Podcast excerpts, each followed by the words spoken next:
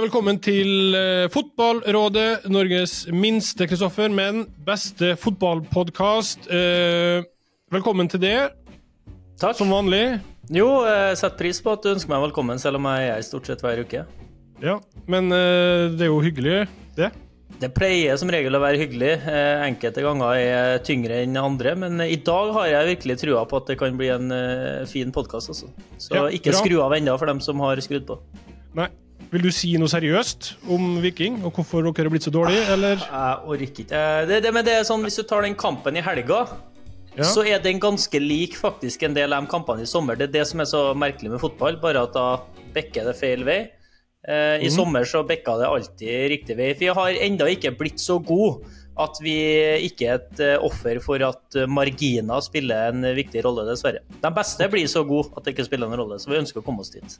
Ja. Eh, Neimen, eh, bra. Eh, jeg sier at det er hyggelig at du er med, som vanlig. Eh, uansett. Eh, velkommen nå til det, André Hansen. Tusen takk. Terje, er din eh, Du er debutant? ja, det er jeg. Din alder er ja. 33, så det er ålreit, det. Ja. det er jo en, en, del av gleden med å kunne være med her, at du får opplevelsen av å være debutant igjen. Ja. Takk. Det blir ikke noen debutant ta på det. Gjør det ikke. Men Nei. Uh, du, var ikke med til, du var, du var ikke med til Oslo. Nei. Hvordan er du når du sitter hjemme og ser Rosenborg spille fotballkamp? Ja, det er vel som de fleste vil anta. Langt mer nervøs når man sitter hjemme i sofaen enn når man er ute på banen sjøl. Ja. Og så Når det gjelder kampen som var i helga, så var jeg egentlig ganske lugn. egentlig. Altså, det Overraskende nok.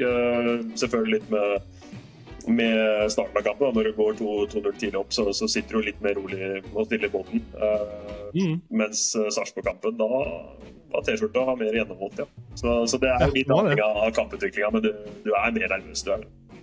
Ja.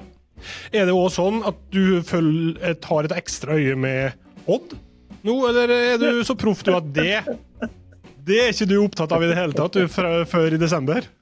Nei, du, får, du, skal jo få lov til å anta det ene og andre, men uh, jeg ser generelt mye fotball. Altså. Jeg fulgte med på Vikinghelga, ja. Sandefjord. Ja. Og, nei, da blir det mm. mye smelte fotball å følge med på helga. Inkludert Odd, da, som slo HamKam 2-0. Det gjorde de. Eh, veldig hyggelig at du er med oss, i hvert fall. Eh, og så tror jeg bare vi hopper uti det. Som vanlig skal vi oppsummere litt det som har skjedd eh, gjennom eh, dette forhatte SoMe-mediet. Eh, vi kan starte på i nord, Kristoffer, for der ble det jo litt oppstuss rundt eh, flaskekasting. Og da meldte en fra eh, Lillestrøm-hold, Fredrik Østby, eh, at tenk at det skulle lykkes for Amal Pellegrino å ta offerrollen for og så er det ti tall her. Fem millioner til gang i år. Uh, og Det er noe greit nok, det, men så svarer Martin Sleipnes, venn av podkasten, jeg skjønner ikke tweeten. Skal Amal ikke reagere når publikum med nedsatt folkeskikk, vurderingsevne og oppdragelse utsetter han for fare? Uh, din take på at uh, folk blir så irritert på Amal Pellegrino for at andre folk kaster flasker etter ham? Nei, det er veldig merkelig. Jeg, jeg det, det, var et sekund der så ut som han vurderte å pælme denne flaska tilbake. Det syns jeg var mest interessante med klippet, men han beherska seg akkurat. Det vet ikke jeg om eh, jeg hadde gjort sjøl. Den flaska kom hardt og fort. Eh, men jeg syns det er litt interessant det her med Du hadde jo Jaden Nelson i helga som jubla opp mot, mot klanen. Tidlig i kampen, uprovosert uh, osv. Men det er litt interessant at hvor går grensa for hva vi spillere kan provosere terge eh, motstanderens supportere for hva vi alltid skal få tilbake. Og så Skal det her alltid bare gå én vei, eller har vi lov til å ha litt sånn i kampens hete at eh, de må tåle at f.eks. i et hett derby at du, du får noe slengskyss eller at du får noe provoserende vink her og der, og at det er en del av greia? Eller skal det alltid være sånn at vi spillere og de aktørene ute på banen skal til enhver tid holde seg for gode for å provosere publikum, mens de kan få komme med hva de vil av hets og, og sjikane. For at ja, Amal Pellegrino sprang jo forbi og hysja, men det er jo en forhistorie her. Det er jo ting som har skjedd i tidligere kamper på Åråsen osv. Så, videre, så skal han da bare ta imot og ta imot, eller er det lov, er det greit at han bare hysjer litt og sier takk for sist? Jeg, jeg mener at det bør være innafor, uten at skal, du skal ty til noe flaskekasting eller hva som helst. Hva tenker du, André? Hvor mye skal supportere faktisk kunne tåle dem òg, av at det blir litt motbør når de står på en tribune og yter ganske hardt andre veien? Jeg tenker at det er en del av fotballen. Ja. Og, og, man har jo mange, i mange år på en måte øh, etterspurt profiler, etterspurt uh, å skape blest, skape interesse. Uh, at man på en måte kan spille på følelsene til hverandre, både som enkeltspiller, men også overfor publikum. Det tenker jeg på en måte er, er innafor. Altså, hysjing, gestikulering altså på en måte, Det er jo aldri noe vondt ment i det. Verken når det kommer fra stort sett supporter eller når det kommer fra oss som, som er utpå der. det er ekstrem uting at det blir kasta ting fra tribunen. Det syns jeg. Uh, og Det mm. så du jo både på, på Aspmyra, men også på, på Intility, at det flyr jo en haug av ting over, uh, over tribunegjerdene. Så det, så det syns jeg er rett og slett tullete, og det er barnslig. Uh, men at man på en måte kan som sagt, spille på følelsene, det, det syns jeg er perfekt. og Det for bare, det blir litt da tilbake i tid, da, men sånn som da Pål satt flagget altså på andre hele satt flagget på baki, altså det er jo det er jo et elsk-hat-forhold mellom Molde og Rosenborg den gangen. Da, måte, og, og, det å spille litt på det, det yes. er ikke en del av fotballen. Det er det som gjør det så vakkert. Da. At, at måte, det er mm. mye følelser involvert, men at man også må takle de følelsene. Altså, skulle vi eh, som spillere agert som en del supportere altså på samme måte som de, så hadde vi jo sittet med, med karantene annenhver uke. Så, så, det er liksom finne den eh, balansegangen der. da.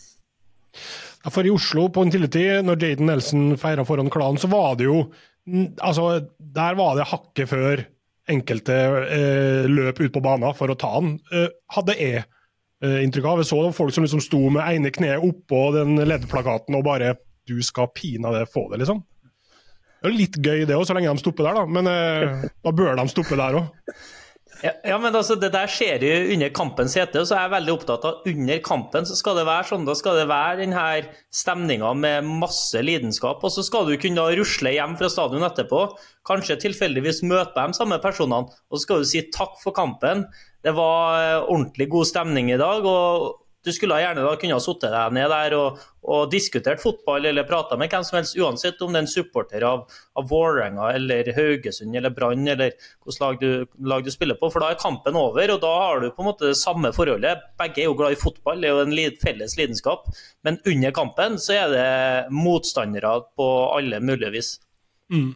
Ja, så, og så kan man, man kan også svare med Svar litt med samme mynt. altså Svar med, med buing da, hver gang du har ballen. Svar med en, en, sang da, som på en måte ikke går over grensa der. Men altså, det er jo selvfølgelig litt vanskelig på norsk, da, men i England så kunne du jo nå vet ikke hvor gamle lyttere er her, men altså, kunne jo dratt på med 'You're fucking wanker'. da, ikke sant? Altså, på en måte. Noe i den dur. så Du på en måte spiller litt på humor samtidig som på en måte du også viser at det er ikke akseptabelt at du feirer foran oss. men igjen, mm. alt som går over, over, over, en viss limit, da, det, det, det, må vi få bort fra, fra fotballbanen. Det er heldigvis lite av i Norge uansett. da. Uh, jeg er litt usikker på snittalderen på lytteren. Jeg tipper at det er mer enn 25, eh, så you fucking wanker, det er nok uh, noe som folk både kan skjønne og relatere til. Det var et godt eksempel. Uh, I forlengelsen med Jaden Nelson, hvem er Anders? skriv. Vet ikke hva jeg synes er verst, at Jaden Nelson får spasere inn 0-2, eller at ingen av Vålerengas spillere reagerer på at han feirer foran blokka. Han får holde på alene. Det er ingen Vålerenga-spillere som uh, stormer bort til ham og drar han vekk, eller altså irettesetter han, da. Uh, Løken, hadde du Lett å si i etterkant, selvfølgelig. Ja, du, selvfølgelig men... sprunget og tatt tak i. Nei, jeg, jeg vet ikke. Du er jo litt uh, eh, prega av at du har uh, sluppet inn der, at du er litt i din egen verden. Og du tenker egentlig ikke over hva som skjer. Du, du har fått 0-2 i fleisen, og det er spilt ikke et kvarter engang, så det er litt vanskelig. Men der igjen da, så er vi på der at ok, Jaden Nelson provoserer, eh, supporterne reagerer. Du som motspiller, da kan du få lov til å reagere og komme inn i situasjonen. Uten at det nødvendigvis da skal hagle med gule kort fra dommeren. Mm. Eh, hadde noen på Rosenborg reagert i motsatt fall, foran kjernen? Hadde, tror du noen av dere hadde løpt bort til eh, Bjørdal og rista inn, liksom? Man håper jo det, men det er litt som, som uh Kristoffer sier, at det er litt avhengig av hvor du er mentalt i det, det målet går inn, og på en måte hvor kampen, hvor kampen i seg sjøl står. Så, så hvis det der skjer på, på 3-1 til Vålerenga, så tror jeg det er mer eh, energi og fokus på at man faktisk gjør noe sånt, da, enn en man får 2-0 i sekken og, og, har en lang vei å gå og står da med begge beina planta godt i, i nedrykkstriden. Så, så, så, tror jeg ikke det er det man første man, eh, man tenker på. Men det er litt tilbake til følelsen at der kan Vålerenga-spillerne sammen med supportere vise på en måte at det her er ikke greit, uten at det er mm. vold, gule kort, kasting. altså på en måte det er liksom, Vi har snakka mye om internt i, i Rosenborg. Det er på en måte som vi har vært svake på i, i flere sesonger. Det er jo å på en måte kunne uh, bruke følelsesaspektet i kampen til å eh, påvirke dommeren uten at det skal på en måte være manipulering. Altså, du, at Vi har mange situasjoner vi, i og rundt boks da, ikke sant? Eh, hvor vi ligger og vipper på om vi får et frispark i farlig posisjon eller straffespark, og så er det ikke én Rosenborg-spiller som er borte og på en måte mener, mener om saken. og det det mener jeg er liksom en ting vi som i, i Rosenborg kan ta tak i. da. Eh, for å trekke noen linjer til det vi snakker om. Ja, at man på en måte uh, bruker det på en, en, eller annen slags positiv måte. Uh, ja, Få med seg supportere, få med seg laget. Mm. på en måte, uh, selvfølgelig, Det går alltid en grense der også, den er kanskje vanskelig å sette. men at man, Nå har vel det selvfølgelig vært tatt opp blant dommerne og dommermøter opp gjennom åra at liksom, det er fort et gult kort hvis man på en måte kommer stormende. Men igjen, altså, vi driver fotball. altså Må alt være så jævla firkanta og regelstyrt hele tida? Alle skjønner jo at hvis dette holder på i, i to minutter strekk, så må man sette så får dommeren sette en grense, men, men liksom den spontane reaksjonen har Det, det, Jeg syns vi tillater litt for lite der. Mm. Eh, jeg så jo òg på Nå blir det litt inntillit her, da, men der var jo spillerne til Vålerenga borte hos klanen eh, i forkant av avspark før de gikk inn i garderoben igjen, og fikk en slags peptalk eh, fra dem. Eh, og Den varte kanskje et minutt, eller noe sånt. Da er det, Jeg vet ikke hvem fra klanen eh, som på en måte skulle peppe spillerne, men det var i hvert fall en, en greie. da. Eh, tror du Kristoffer, at det er eh, funker på noe vis? Jeg snakka med en ikke navngitt Rosenborg-spiller etterpå, så var det sånn ah, ikke, altså, Blir jo ikke stående enda mer til gjeld til supporterne? Blir det ikke enda mer press fra supporterne på et vis? Ja, vi fikk jo en peptalk etter kampen vi da i, i Drammen. Eh, det, så, fort, så, fort, så fort kommer det. Eh, men eh, det er sånn Noen ganger som jeg sier til dem òg underveis der, da, det, det står jo ikke på lyst og innsats og engasjement. Eh, det har vi eh, felles. Eh, dem og vi. Eh, men f.eks. for, for vår del så står det på evne akkurat nå til å kunne skape nok sjanser, eh, sette de sjansene og unngå, unngå baklengsmål, f.eks. bare for å ta korte trekk. Så jeg føler at det, for meg personlig så er nok den der at når du etter oppvarminga så får du responsen fra publikum. Du klapper til dem, de hoier litt tilbake, viser at vi er her bak dere, vi støtter dere. Eh, Istedenfor den der å få den peptalken. Det er noen peptalker i garderoben nå, det skal jeg love deg. Det er masse peptalker og ønske om å begynne å vinne fotballkamper i Vålerenga-garderoben òg. Eh, mm. Kanskje for mange til tider når det går dårlig, så, så jeg tror ikke det står på det. Eh, bra. og så er det, jo, det er jo ikke klanen som skal eh, bare skynde på å si det. De har vært strålende i år. for ja, ja, sitte Helt outstanding. Så, eh, ja. så eh, det er nok godt ment fra dem, så det var ikke noe kritikk mot konseptet sånn sett. Eh, Gunnar Grinstein, uh, han jobber i NRK Troms. Han lurer på om det er noen andre lag som bruker keeper så aktivt i spill utenfor 16-meteren som Tromsø gjør. Uh, André, keeperfaglige spørsmål, det får selvfølgelig du. Uh, I år så er det ikke det. Odd har vel vært der litt sånn delvis, men ikke dratt det så langt som, som Tromsø har gjort. da. Uh, vi har heller ikke gjort det Rosenborg som vi har vært innom 5X-linje, vi òg. Det er jo det at de skaper en, en backfirer med, med, tre stoppere og en keeper, da, hvor, hvor, hvor Haugen også er venstrebeint. Så det passer ikke fint i forhold til antall føtter, hvem som er høyre og hvem som er venstre bak der. Da.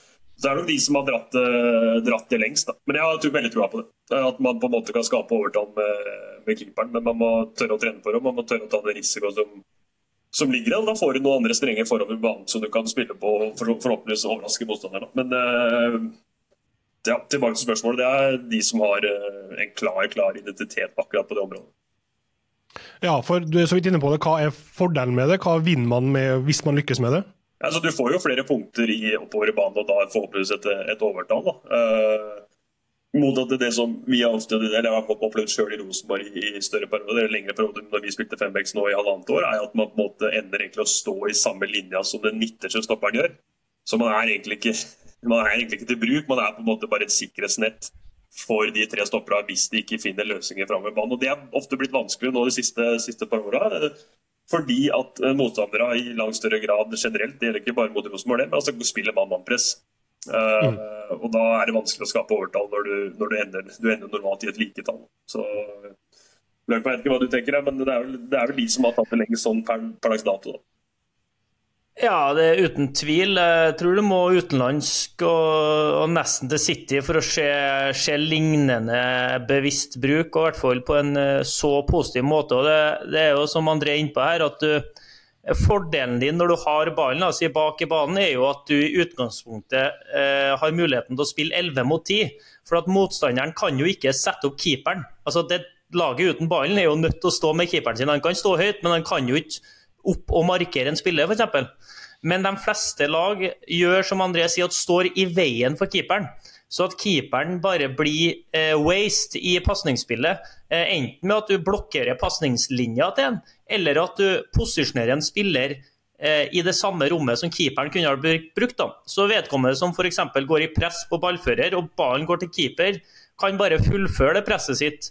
Fordi at han kan både ha ansvar for eh, forsvarsspilleren da, samt keeperen, for de er såpass eh, i, i, samme sone. Så eh, jeg syns at eh, Altså, det er jo Tromsø er helt fantastisk på det. Og så har de Torsa stått i det over tid. Selv når det har kommet noen blemmer, selv når stygge brudd imot og Haugård har sluppet inn på, på åpent mål der, så har de fortsatt med det. og det det er moderne fotball, rett og slett, å utnytte overtallet helt bakfra. Og så er de jo flinke til å velge eh, også de lange løsningene helt fra han, de gangene presset blir eh, hardt og brutalt og søker, søker bakrom. Så mange forbinder jo det der med at nei, det er så romantisk, og noen kaller det naivt. Men det jo, handler jo om å fortsette om å spille der det blir rom. Så hvis motstanderen sender hele laget sitt inn på din halvdel i mann-mann, så har du jo gjerne en fordel oppe i banen. F.eks. Si, si Rosenborg kan ha lynraske Jaden Nelson én mot én mot en sideback. Så vil du jo gjerne sende den ballen inn bak. Du har skaffa deg en mulighet til å sende den ballen litt mer kontrollert inn bak, da, hvis du har brukt ellevtemann som gjerne får litt mer tid og ro med ballen, enn hvis du bare spiller uten med keeperen som står i målet. Hvor god er du André, på å pushe dine egne grenser, eller utforske sånne ting, og tillegge det, eller utvide spill? Ja, altså, jeg, veldig, jeg, liker jo veldig altså Fra egentlig jeg begynte min hva skal jeg si, eh, toppkarriere på, på toppnivå i, i Odd, etter å nå Lillestrøm, så, så var det jo Einar Osbakk, altså far til Sondre Osbakk, som jeg hadde som keeperleder, som på en måte uh, pusha dette med at, uh, at keeperne skulle være, være mye mer med som utspillere først og fremst i trening på det tidspunktet. Uh, og det tok vel tipper det tok Einar over et år, opp et år ja, å få overbevist uh, Dag Eilif altså Fagermo om at det faktisk hadde verdi. Uh, og, og, Da hadde følt Dag Eilif sett at den treninga vi fikk lov til å være med på, da, som, som ofte er uh, det vi i fotballen kaller possession-øvelser, altså øvelser uten mål, men hvor, hvor to lag spiller om å, å, holde ballen i laget. Hvor vi er med da som uh, regulære utspillere med, på samme vilkår som, som resten. og fra den tid så er det på en måte det å kunne dra det videre. Det handler jo veldig mye om lagets filosofi. altså Uh, I min tid i Rosenborg så har vi vel sånn i prinsippet aldri hatt en, en klokkeklar filosofi på en måte at keeperen skal brukes i en spesiell rolle i det vi kaller frispilling uh, i, i bakfra. Så det blir litt avhengig av både hvordan motstanderne presser oss, og, og, hvordan vi sjøl har lagt opp, lagt opp gameplan. Da. Men, men jeg har dessverre aldri fått dratt i den retninga som det Tromsø har gjort. Det. det er noe jeg gjerne skulle likt å teste ut, men det er, det er ikke jeg som sitter og, og styrer, hvordan, styrer hvordan, vi, vi, skal spille oss ut bakfra sånn i, i detalj. Men, uh, men, jeg tror også det er viktig, som, som Løkberg er inne på, altså, jeg tror mange tenker på dette med frispilling og mot spesielt høytpress, at det skal være ti kortpasninger og så er man løs. Altså, det er det Tromsø har blitt så ekstremt god på. at De velger ofte riktige løsninger, men at de har et oppsett som gjør at de oftere kan finne disse riktige løsningene og, og, og på den måten true motstanderen.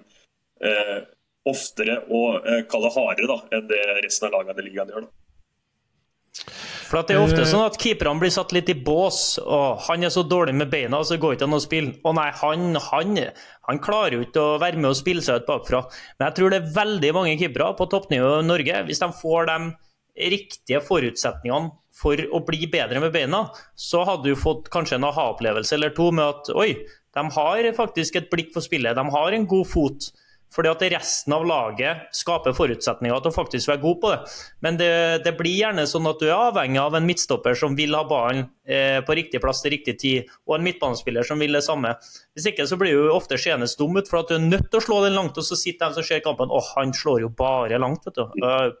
Bare poler ballen unna. Han kan jo ikke spille.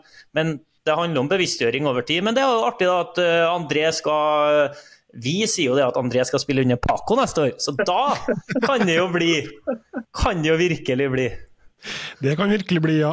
Og så er det jo sånn at Hvis man først bruker keeperen, og så går det gærent, så er det sånn ja, ja, men det viktigste er jo at uh, han kommer seg i mål og redder. Så beina, det liksom Det er bare et Ja, det må keeperen drite i, liksom. Ja. Det er jo, jo konsekvenstenkninga. Ja, folk liksom reagerer på det der. Den er ganske liten, tror jeg.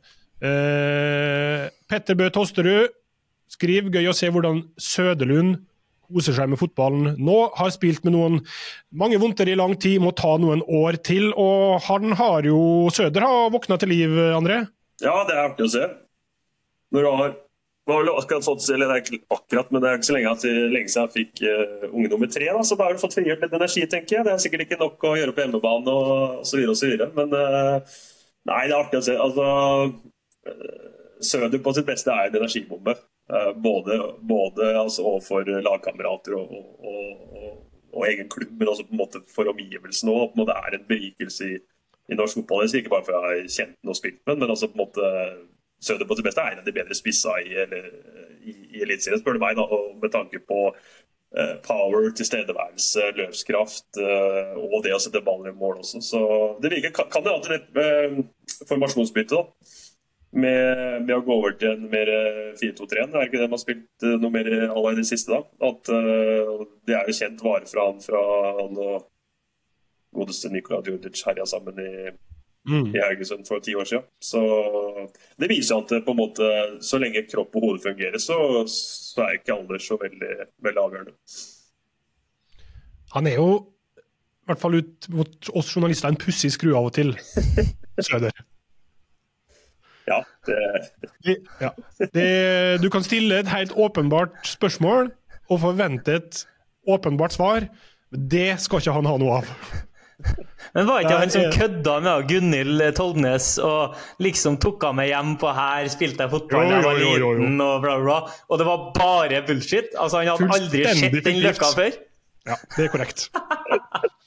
Det er Altså, jeg hyller det jo. Ja, samtidig som journalist er det jo helt ja, ja. ja, det er helt rått. Det er en reportasje for evigheten, det er det ingen tvil om. Uh, han har jo drevet litt med amatørteater, tror jeg. Så det ligger vel litt naturlig for han. Og fikk bare Ja, OK, vi tar en siste tweet her. Davy Vatne, den får du ta svaret på, uh, Løken. Hvordan er sommertemperaturen i Saudi-Arabia? Nytt fotball-VM med duft av berlinerkranser og smultringer i TV-stuen? Spørsmålstegn. Ja, det kom vel i dag at det var store planer om et nytt uh, et VM ja, det blir jo det. Det er jo i, eneste... på vinteren. Det er ja. eneste muligheten, det. Hvis de ikke skal bygge stadioner halvveis innendørs med full airconditioning og sånn. Men uh, det ligger nok an til det, og Fifa bestemmer, så de passer det fint for, og de flytter på kalenderen som de vil. så ja. Nå er det elleve år til dette mesterskapet. her da. Eh, sist så har man liksom fått kritikk for at man var for sein på banen med å ta avstand og eh, den biten der. Eh, og så leser jo flere sportskommentatorer som er sånn ja, men det er nesten, nå er det nesten bare å gi opp, for det, blir, det, det går ikke an å få stoppa det her uansett. Det er jo sånn ingen andre som søker heller. Nei. Det, alle gir jo opp. Altså, det er jo trist, da. Vi har jo et par fra Australia her. og Australia har jo trukket søknaden sin, og så snakka vi med dem i dag. Hvorfor har de gjort det? Nei, de vet jo de taper likevel. Mm. Saudi har jo fiksa det der, det ordner seg. Infantino vil at de skal vinne. altså det er jo trist, men uh, kunne ikke vi ha søkt? da? Kunne ikke vi mobilisert i landet her? Da kunne vi jo, da kunne vi fått deltatt òg, hvis vi arrangerer. Vi kunne ha vist dugnadsånd på sitt beste. Mm. Det, så det Klavenes så kom og bare iverksette. Eh, jeg kjenner jo for min egen del at nå eh, man eh, mister litt den der piffen på å protestere og at det har noe for seg, André. Jeg vet ikke hvor engasjert du er i det her, men hva tanker gjør du rundt at det, det virker som det er bare? Ja. Uansett hva man Korrupt? At det er korrupt? Ja, det er Ja, ja, altså Det virker jo sånn sett utenfra. Så skal man selvfølgelig være påpasselig med å ikke konkludere når man ikke kjenner alle sakens fakta. Men med tanke på det som har skjedd eh, fra Blatters tid og fram til, fram til nå, da, så sitter en eh, fotballpresident og shaker hands med Putin og det, det ene og det andre. og det er liksom, nei, det, Du blir jo på en måte småkvalm, da. Eh, og så, så sitter du liksom Ja, her sitter jeg på Ranheim og lurer på hva skal jeg gjøre med det. Altså, det jeg vet ikke. Det, er, det, har jo vært mye debatt rundt eh, Erling òg, med, med, disse sponsorgreiene og at han spiller sitt. på en måte, men og Det har vel Ståle vært inne på. Er det spilleren som skal gjøre noe med det, eller er det, eller er det mm. klubbene? Eller, altså, jeg, jeg, vet ikke. Jeg syns det er eh, at det er, det er vrient, da. Men uh, det hadde jo vært jævlig fett da, hvis vi hadde bare boikotta alle fond. da. Det hadde jo vært jævlig hvis Tyskland bare dette gidder vi ikke. Og Frankrike hadde gjort det samme, og Spania har liksom virkelig fått uh, slagkraft bak dem. Men uh, jeg tror ikke det skjer. Nei. Man blir litt sånn Ja, hva heter det når man mister all energi og motivasjon for å stå på noe? Da er det motløs. Likegyldighet. Vi tenkte jo at vi skulle liksom snakke litt Rosenborg òg, men eh, det, du gjør nå det ofte, du, da. Så det er jo ikke sånn at eh, det kommer til å komme noen bomber her. Men det er jo nå bare, Vi kan bruke fire minutter på det. for eh, Jeg leste jo en sak forrige uke der du uttrykte litt bekymring for situasjonen. og så øh, vet ikke hva det bunner i helt, men eh, er det noen grunn til det? Hvis du skal ta en statusrapport på øh, situasjonen, hva vil du si? Sist uke, ja. Sist uke, da tipper Hvem var jeg snakka med da? Uh, Nei, Du snakka med TV 2. Ja, og Gjaldt det da, gjaldt det da Nei, det gjaldt jo litt før? Eller? Ja, det var før Vålerenga-kampen. Eh, og så var det òg et resonnement rundt at du og dere som har vært der ei lita stund, eh, har en litt annen historikk og kanskje eh, bakgrunn for å være bekymra nå enn dem som er unge og kommer opp ja, og bare sånn, ja. mm. ikke har historikken med seg. da. Nei, riktig. Nei altså, det, har jo vært litt sånn småbekymra spesielt de siste ukene. Da. Det går jo mer på prestasjonene våre. At de at uh, vi har egentlig ikke vært der uh, Løkbergs Viking har vært. altså Vi, ikke, vi har ikke vært der magiene teller heller. altså Vi har, vi har prestert såpass dårlig at, eh, at, uh, at vi for, rett og slett fortjener å tape. Uh, og Når du da på et tidspunkt begynner å nærme deg sesongslutt, og du har et relativt kort luke ned til de lagene som ligger helt til bånn, så blir man jo på en måte litt bekymra. det gjør man. Men det er også litt sånn mer det her er jo et samspill mellom oss som spillere og litt omgivelsene. og Vi er jo litt forskjellige, vi er 25 mann i en spillergruppe. Eh, noen sier ting uten å tenke seg om, noen sier ting eh, når de tenker seg om. Altså, eh, så Det er litt mer på en måte å få til den at vi er klar over hvor vi ligger. Og at vi ikke tar lett på det. Vi vet at vi ikke har prestert godt nok. Og så på en måte går vi selvfølgelig på med, med full kraft i de kampene som kommer, og har trua på at man skal, skal ordne der. Og et siste, et siste, poeng der er jo litt at eh, de kampene som på en måte, det var før Vålerenga-kampen, det er at, eh, at, man da møter et Vålerenga hvor deres sterke sider er ditto våre svake. da. Så, eh, så på en måte det ligger litt og, og, er med på å skape et bilde av bekymring. Og så hadde du kommet Molde, og så skal vi plutselig ned Sandefjord, og så, og så skal vi til Stavanger. og Det har jo plutselig blitt en arena hvor vi i Rosenborg har slitt litt kontra tidligere. Og Da er det liksom ikke like lett å si at vet, dette, dette, går veien. da. Eh, men samtidig så, sånn, internt også snakka vi litt om at uh, det er litt sånn klassisk nå at seieren kommer der man kanskje ikke tror den kommer. Og det skjedde jo nå.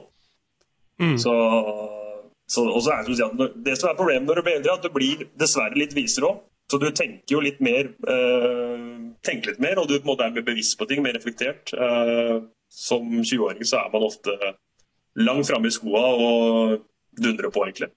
Majoriteten, i hvert fall. Du tenker litt mer konsekvenser nå enn for 13 år siden? Nei, ikke så mye mer konsekvenser, for du er mer klar over hvordan ting fungerer i praksis. da. Mm. Uh, og Det er liksom ikke bare å snytte på seg skoene og ta en peptalk og så tro at ting skal gå av seg sjøl, når de ikke har gjort det over så lang tid som det, er, ja, 2023 har, har, vist. At vi på en måte har vært et, et godt stykke unna øvre, det øvre sjiktet av, av, ligaen sånn total, totalmessig. da. Mm. Eh, det er jo et klisjéspørsmål, men det, den seieren sist nå, da, kontra om det hadde blitt tap Én ting er jo poenger, men hva, hvordan tror du den uka her hadde blitt hvis dere hadde tapt? Det hadde jo blitt et voldsomt kok, da. Og det er jo også med i den kalde bekymringsmeldinga forrige uke. At på en måte, du vet hva som ligger og venter eh, hvis, mm. eh, hvis, det hadde, hadde gått på et tap. Og da har du Molde hjemme, som uh, som sagt ville blitt tøft. Og så skulle du ned til et samfunnslag som er mer vant til å spille den type kamper. Eller i hvert fall ha en annen mental tilnærming til kampene enn det mest sannsynlig vi ville hatt.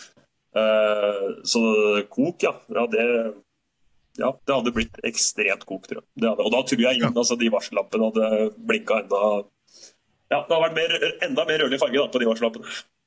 Ja. Da hadde du på ekte vært bekymra? Ja, i hvert fall med tanke på det kampprogrammet som kom. Og da hadde du rekka med mm nå vet jo ikke jeg selvfølgelig hvordan prestasjonen hadde vært hvis vi hadde tapt. da. Eh, men si at den også hadde vært eh, litt i den samme rekka som hadde vært de fire foregående kampene, så ville mm. den rekka bare blitt forlenga. Og da, da, er jo selvtilliten bare Hvis det er noe igjen der, da, så er det i hvert fall enda mindre. Mm. Mm.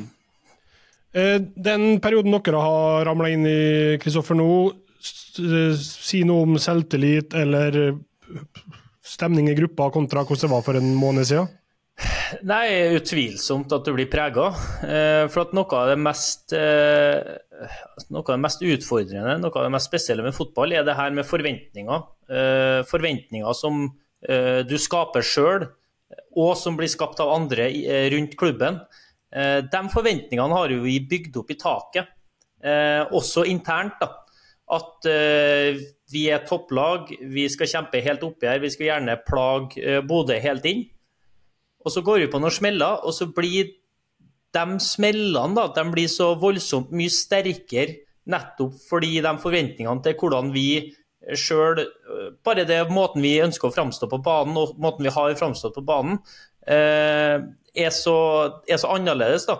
Så bare en spiller da, som kanskje eh, tidligere i år var fornøyd med å gå ut på banen og være en solid versjon av seg sjøl, han har nå forventninger om at han skal gå ut på banen og dominere hver gang.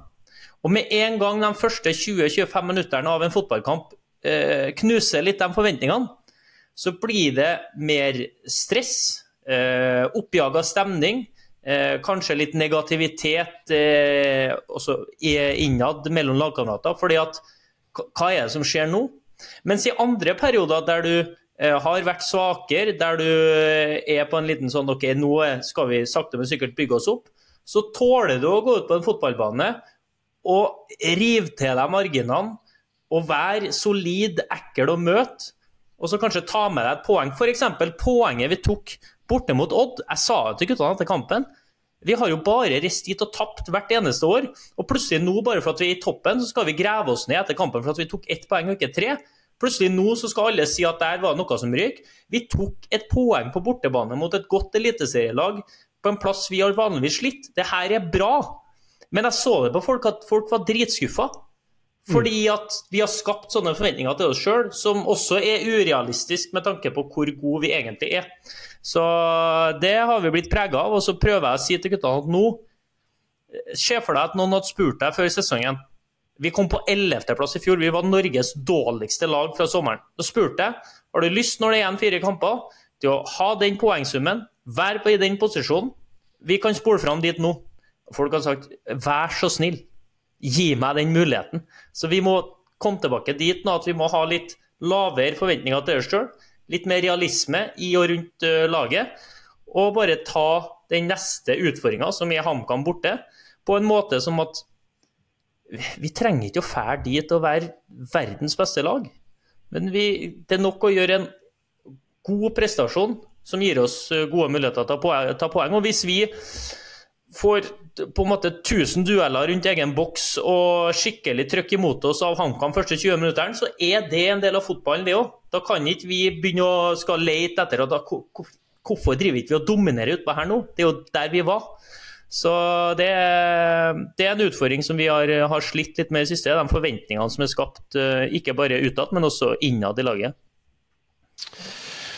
Um, bra. Føler du det som en sjuende far i huset etter hvert på Lerkendal, André? At, du, at, det, altså, at det følger med litt ansvar ekstra på det, som er en av som har vært der lenge, skal ta litt altså, ordet? Si. Liksom både òg, vil jeg si. Altså, det, det, blir litt sånn at uh, vi har hatt så enormt store utskiftninger da, i løpet av av eh, ganske kort tid da, i, i spillerstallen. Så det, det, er mer at du nesten ikke rekker å bli folk før jeg er borte igjen. Da. Eh, så jeg hadde kanskje følt litt mer på det hvis det var den samme gruppa du hadde spilt med over, over, lengre tid, for da blir relasjonen ofte mye sterkere og tettere, og følelsene seg imellom. altså Spillerne blir også sterkere. Så, så, så det gjør man ikke. Men uh, man prøver jo liksom å finne litt den balansegangen mellom å uh, når man er med i diskusjoner internt i garderoben, og hvis det er spesielt eller gjelder fotball, da, på en måte å, kunne trekke veksler på min første periode i klubben, som var ekstremt suksessfull, da, uten at man skal sitte der og være belærende og, og på en måte ja, sitte der og være gammel og grinte og, at alt var bedre før.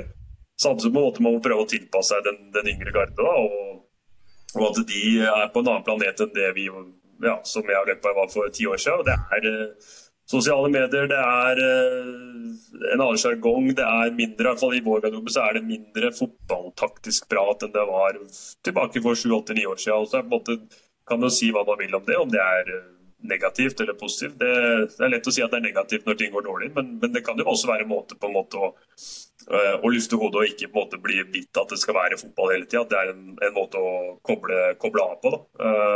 Så, men jeg merker jo det at de mange, altså, mange, av de jeg har spilt med i mange år, da, uh, er jo borte. Mm. Og så, så jeg, jeg, kjenner jo Markus fra før av gjennom landslag, og, og Ola selger seg jo tilbake, så det er jo folk jeg har kjent også. Men det er, det er mye nytt, ja. Det er det. Er du bekymra, for det har jeg tenkt på, med tanke på de kalde mennesketypene som kommer opp nå altså De talentene er jo utvilsomt fantastisk gode fotballspillere.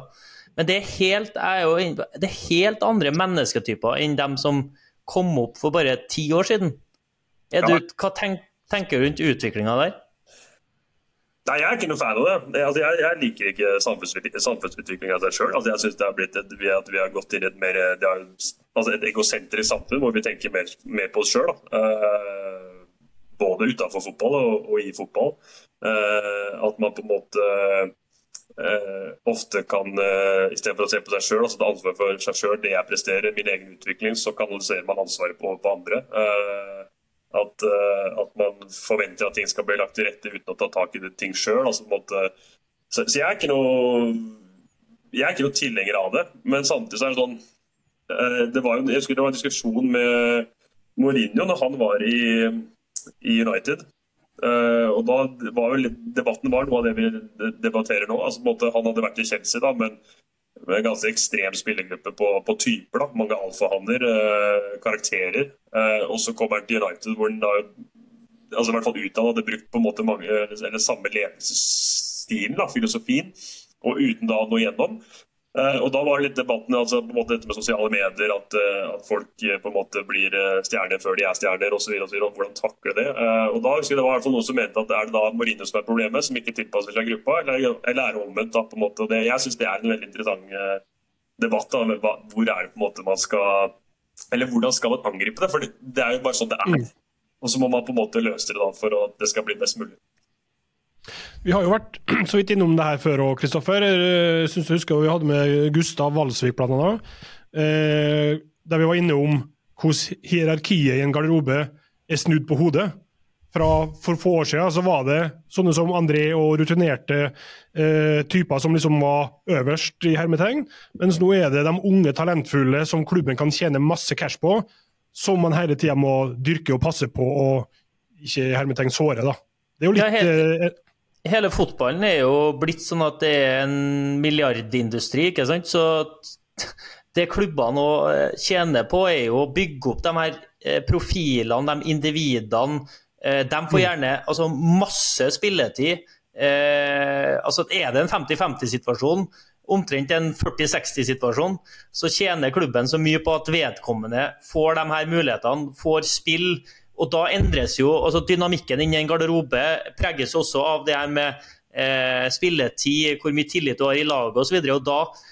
Det, det er nesten snudd på hodet. Og jeg, jeg kjenner jo på at det er jo bare flere og flere individualister eh, i fotballen som Der du får kjent kanskje på at spillere var ekstreme vinnertyper, ganske pragmatisk, var ikke så sykt opptatt av måten det skulle gjøres på og deres egen rolle inn i laget, så er nå flere individualister som er veldig bevisst på at den fotballen som spilles, måten det skal gjøres på, eh, skal passe dem òg. fordi at de skal se gode ut, og at så lenge de har herja litt i den perioden som har gått, så kan jeg omtrent merke på humøret deres at ja, er det så farlig at vi har eh, spilt tre øvelser og, og, to tap på én side? Liksom, jeg, det ruller, ruller, og går for meg, liksom. Så ja. det, det, er merkelig, den utviklinga som er, er, i ferd med å, bli.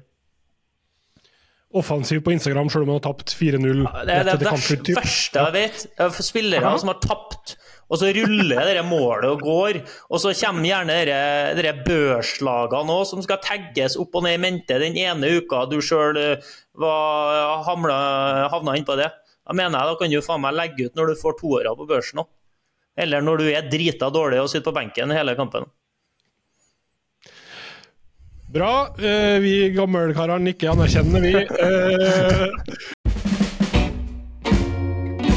vi sklir jo som alltid på tid her, men vi rekker noen lyttespørsmål før vi skal runde av. Eh, og dette er kanskje til meg og det, Kristoffer.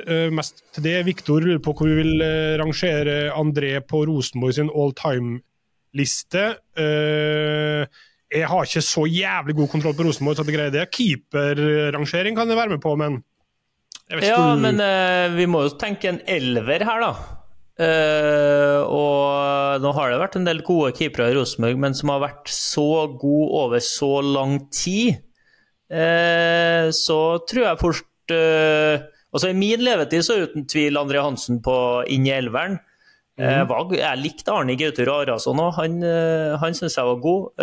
og så er det sikkert dem som skal snakke tilbake om han kjempen på 70-tallet, jeg husker ikke hva han het, og Ola By var, var god osv. Men Eh, keepere får jo ofte litt uh, ufortjent lite positiv oppmerksomhet i, i, sånne sammenhenger. og Det blir jo nesten aldri kåra en keeper til å, det er den beste spilleren. Han er keeper, liksom. Men uh, André fortjener virkelig å omtales som uh, i moderne tid en av de viktigste og beste Rosenborg-spillerne. Enig, André? Ja, jeg kan ikke kommentere. Det var, det var, det var hyggelig ord da, fra, fra Løkken. Det var det. Så setter pris på det. Bra. Eh, Benjamin lurer på eh, om du fortsatt har en våt drøm om å legge opp som sentral midtbanespiller? Ja, jeg har det. Jeg har det. Men ja. Uh, ja, det er interessant hvor Benjamin har nådd det fra. Navnet ringer jo ikke bjellene, men uh, Nei, altså Jeg har jo drømt litt om det. fordi at du vet, Jeg har jo disse, alle disse vanlige historiene om at at det var noen utspillere som ble putta i mål når de er 16, og så, og så ble de verdensstjerner. på en måte, eller altså, De ble i toppsjiktet av keepere der ute. da. Men det hadde vært jævlig artig å gå andre veien, bare da i motsatt alder. Uh, mm. Så og Det går jo litt på en måte på uh, altså, så Nå har jeg vært med mye som utspiller i ti år, uten at jeg skal skryte for mye av det. Men altså, du, du har på en måte prøvd deg ute. da en av mine største styrker som aldri blir sett på fotballbanen, og som selvfølgelig kanskje er mindre verdt når uh, antall tusen på stadion blir flere òg, uh, det har vært de kommunikative evnene. Altså måte det å dirigere laget og få på plass folk der de skal være, altså før egentlig ting oppstår. da. Uh, og Det kan også gjøre mye fra en sentral midtbaneposisjon. På en måte å, styre laget litt sånn usynlig, uten at man skal briljere med ballen i seg sjøl. Men så har jeg også spilt stopper mot Ranheim for det blir vel fire-fem år siden. Da, en time der, og det det satt i kroppen i tre dager, da. Så, så det er Om det er fem år siden, og nå ja, sier man skal spille et par år til i mål, da. Så det er liksom, når er det du faktisk skal gjøre dette posisjonsbyttet? Det... Ja, men det hadde vært, det hadde vært jæklig artig. og så er det ikke sikkert at det hadde blitt på toppnivå, men at man kanskje heller, det, det må ikke være Oldboys heller. Det må ikke være sjette divisjon. Da blir det liksom ikke noe verdi. Det må liksom være kanskje på snor eller på en måte Mm. rundt der. da. Så vi får se. Uh, Benjamin, jeg, jeg tror han er sånn uh, Han holdt til på Romerike et eller annet sted. Okay. Uh, så jeg tipper at han har en eller annen fra ja, Ja. et eller annet greier fra gammelt av. Eh, Bjarte lurer på, eller skriver, som en kar som er lite opptatt av SoMe, hvor mange varsler utenom ringing og SMS har André på telefonen? Ja, altså I løpet av et døgn, da? eller? Sikkert. Hva, hva er det som plinger på telefonen din når det plinger? Ja, det er svært lite, da. Det bor jo i Trondheim, da. Eh, ingen familie i nærheten. Eh, eller så å si ingen, i hvert fall. Eh, lite av mine nære kompiser fra Oslo-området. Eh, Mm. Lagkameratene er man liksom ferdig med når man stort sett går hjem fra jobb. Så da er det en mail eller to, da, sikkert noen reklame fra Altibox. Og så er det eh, ja, noen mailer fra BDO, da, for der jobber jeg litt på si. Kanskje en melding fra en eller annen eh, perifere karakterer i ny og ne. Så det er veldig lite. Det er så deilig å ikke være del av sosiale medier. Det må jeg si. Det, det er ikke noe sånn eh, det er ikke noe sånn eh, bevisst greie at man liksom absolutt skal holde seg unna, men eh, må være slitsomt å holde seg oppdatert hele tida. Ja. Det tar på. Ja. Det gjør det. Uh, nei, men det er bra. Uh, skal vi se her. Eh, Øyvind Kalsås Hansen versus Pereira i slåsskamp. Hvem vinner? Uh, ja, han lå jo Det var da også lov på bakken til slutt, da. Så det, det var en sånn merkelig situasjon. For at uh, Pereira Jeg vet ikke om du kjenner handbruken, men han er i hvert fall uh, det er jo et ratetryne. Det er jo et ratetryne, det er ikke noe snill på det. altså Verdens hyggeligste gutt, men det er et ratetryne. Og så husker jeg ikke, at du hadde bygd seg opp noe særlig i starten der, men på en måte når du står og kaster sjaft da, rundt på alle skaper i den garderoben, og vi vet at vi har én matris som jobber ræva av seg døgnet rundt for å holde ting eh, på stell, da. Da, da liksom gikk det Ja, da var lunta kort, da. Og så var det egentlig bare det sa ifra, og så skulle jeg egentlig bort og shake hands, og så dro han til. Og da er det sånn OK, hva er, hva er situasjonen her nå? Så det det var, liksom, det var liksom merkelig, da. Og så skal disse kameraene rulle og gå, da. Så ble de lagt ut, og så var det noen selvfølgelig som skulle mene noe de ikke altså, skulle ut og mene noe de egentlig ikke har noe å gjøre med, og så på en måte så, Men jeg skjønte at det var jævlig populært borte i Asia. At det var visst enormt med, med views. da. Så I Asia? ja, jeg lurer på det. Sikkert eh, på det japansk YouTube. Da, da går det fort. Ja, ja. Så Mm. Ja, ja, ja. Nei, Japansk det- YouTube, ja. det var jo litt, det som var litt sånn, jeg vet ikke om jeg har tatt med den hele historien. Det som er, altså Jeg må jo feie for egen dør, fordi at uka etterpå eller to uker etterpå så er det jo Tromsø. Og blir jo reivspillet i første gang. Og da går jeg inn i garderoben med litt sånn bevisst uh, holdning til at nå skal jeg smelle til litt. For at vi hadde diskutert i lang tid at måte, vi må bli røffere på det å støte ut foran eget mål. Og så er det det vi først gjør i tre kvarter av den kampen, er bare å gi eget mål. Så var det sånn, nei, nå må du smelle til, da. Og da tar jeg feierne sikkert 24 glass med sånn sagt, da, i den garderoben. Og det er liksom, og når det er litt sånn pikk ved siden av meg, så, så var jeg liksom ikke så jævlig i hatten, jeg må si det. Men eh, ja, eh, vi får ta med oss disse viewsene da, på japansk YouTube. Ja Men akkurat det der var Adrian veldig nøye med å fortelle meg, nemlig. For at jeg kjenner Adrian godt, og han, eh, vi snakker sammen eh, jevnt og trutt. Og han var så fornøyd med at André hadde dratt ned de der saftgreiene oppe i Tromsø. Så det varsla han meg om med en gang. Men jeg kan jo, alle som har delt garderobe med Adrian Pereira, forstår jo at på et eller annet vis så bygger det seg opp en greie av provokasjon. Så han trenger jo ikke å gjøre mye galt i gjerningsøyeblikket for å ha lyst til å smelle ned. Men det, det er Adrian på godt og vondt, da. han er en karakter. Eh, bra, det er Martin. Det er jo litt i samme gata her. da Martin lurer på om det er tilfredsstillende å slakte forsvarsspillere når de gjør feil. At man liksom kanskje får ut litt frustrasjon, eller Nei, egentlig ikke. Og jeg tror faktisk det er svært lenge siden gjort. Altså, igjen, man blir dessverre litt visere når man blir eldre. Eh, og det er eh, og jeg kan skjønne altså, mange, som, mange utspillere som takker meg opp igjennom, altså, de skjønner ikke hvorfor alle keepere står liksom og skylder på alle andre hver gang de har sluppet inn mål. Eh, Det er jo den ene tingen. at måte, Det er jo jeg som til syvende og sist slipper, inn- det målet, så da har det sikkert jeg noen ting jeg kunne gjort bedre òg. Men altså, det har ikke noe effekt. Altså, det, det er liksom, jeg ser ikke noe poeng med at uh, man skal stå og veive med armene og at, at det ble baklengsmål. Det er jo elleve mann som har sluppet inn det målet altså, sånn totalt sett. da. Mm.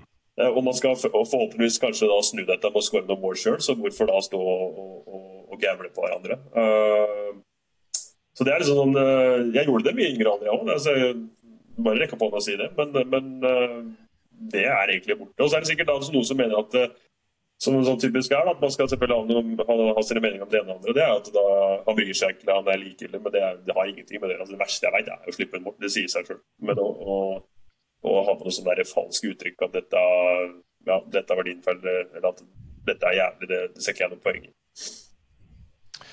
Uh, fint. Vi rekker to til, to kjappe til. Uh, hvis du skal skryte av uh, Tangvik, hva er hans beste egenskaper?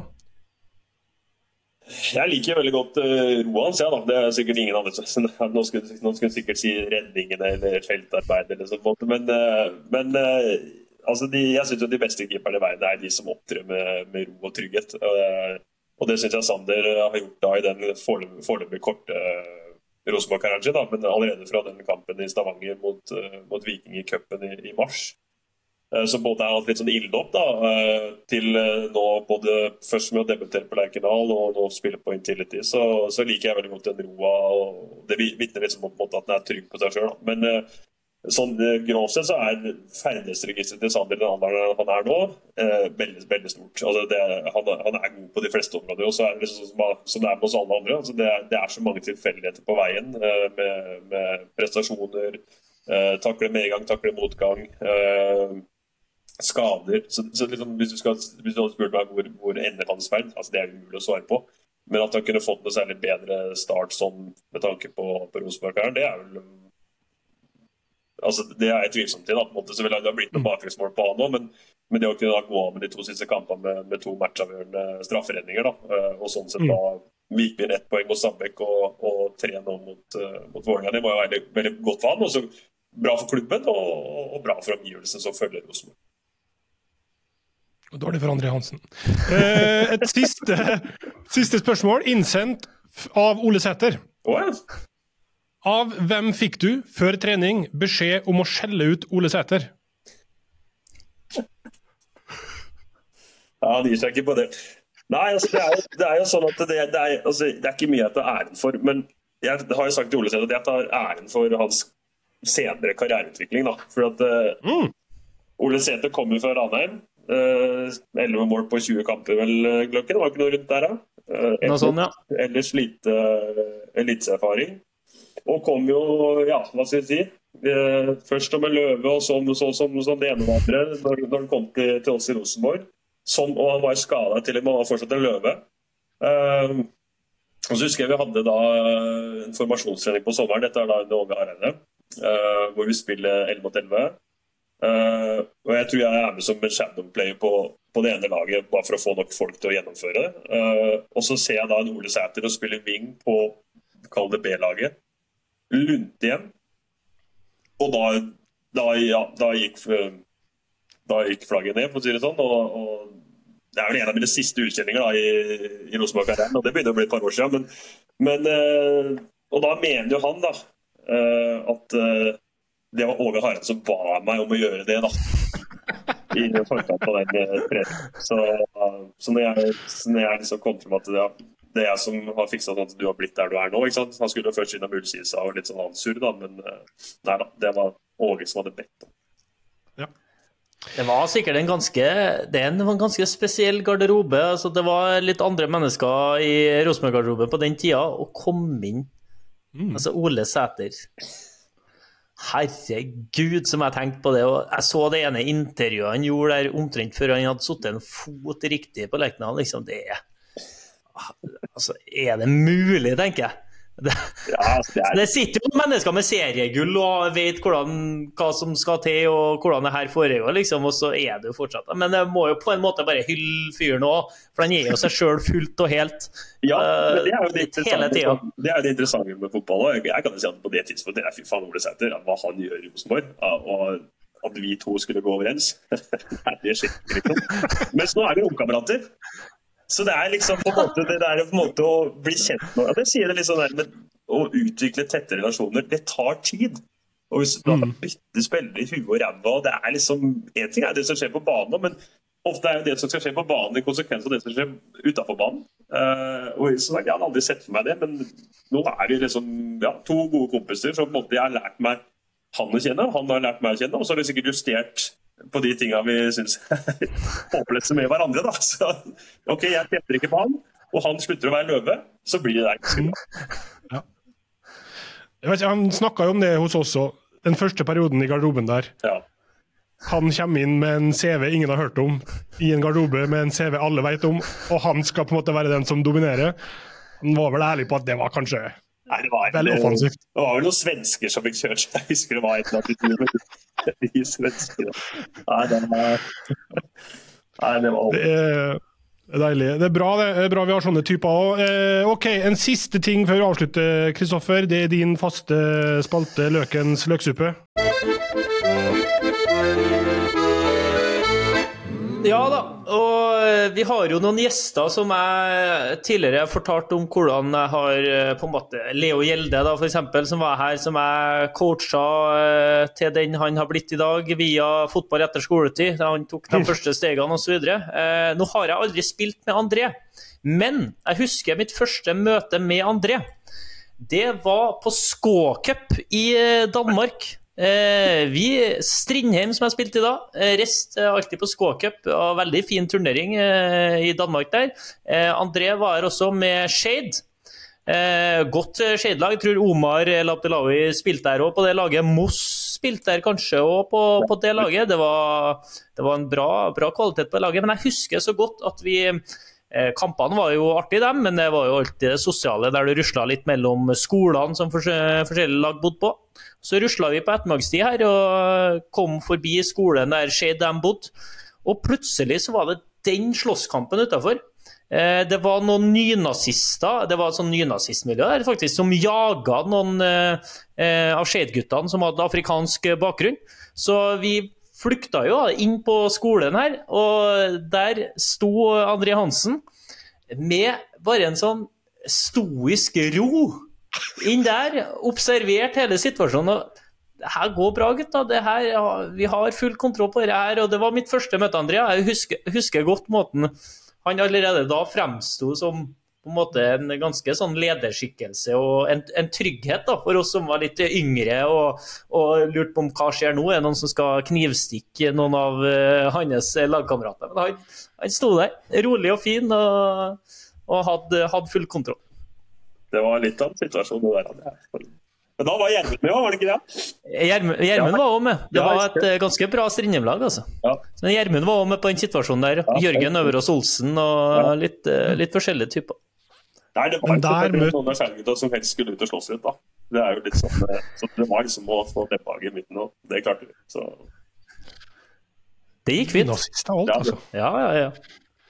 Uh, nei, men det, det, Eller det er bra, eller Det gikk fint. Ja, det var en artig historie, i hvert fall. Ja. Uh, uh, la oss avslutte dette her sklei som vanlig ut. dere, André, møter jo Molde i helga.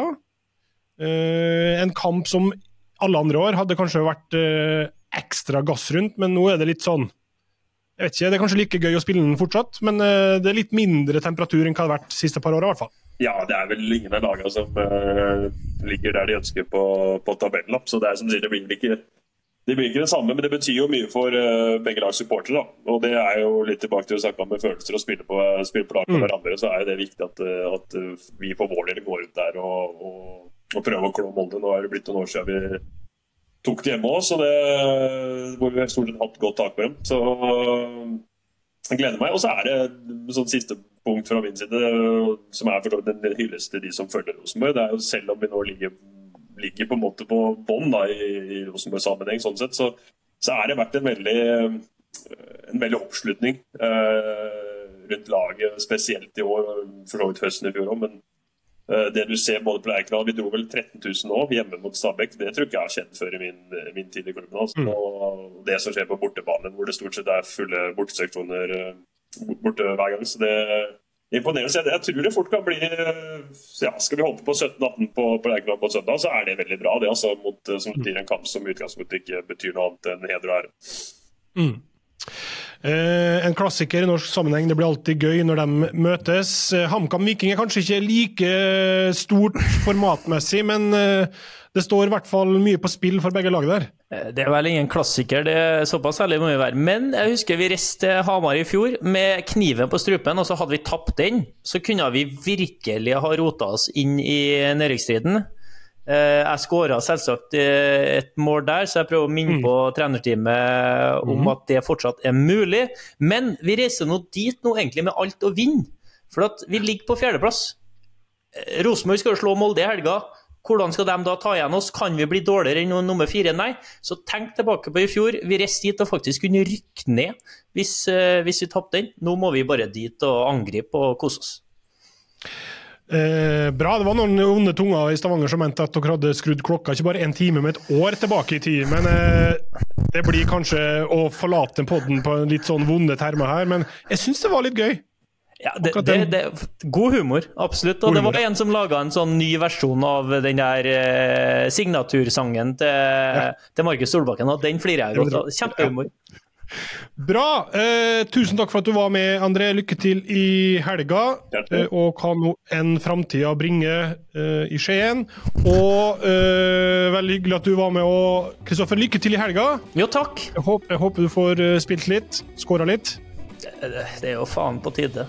Ja, det er det. Og så takker vi for at dere har hørt på, og så er vi tilbake igjen om eh, ei uke.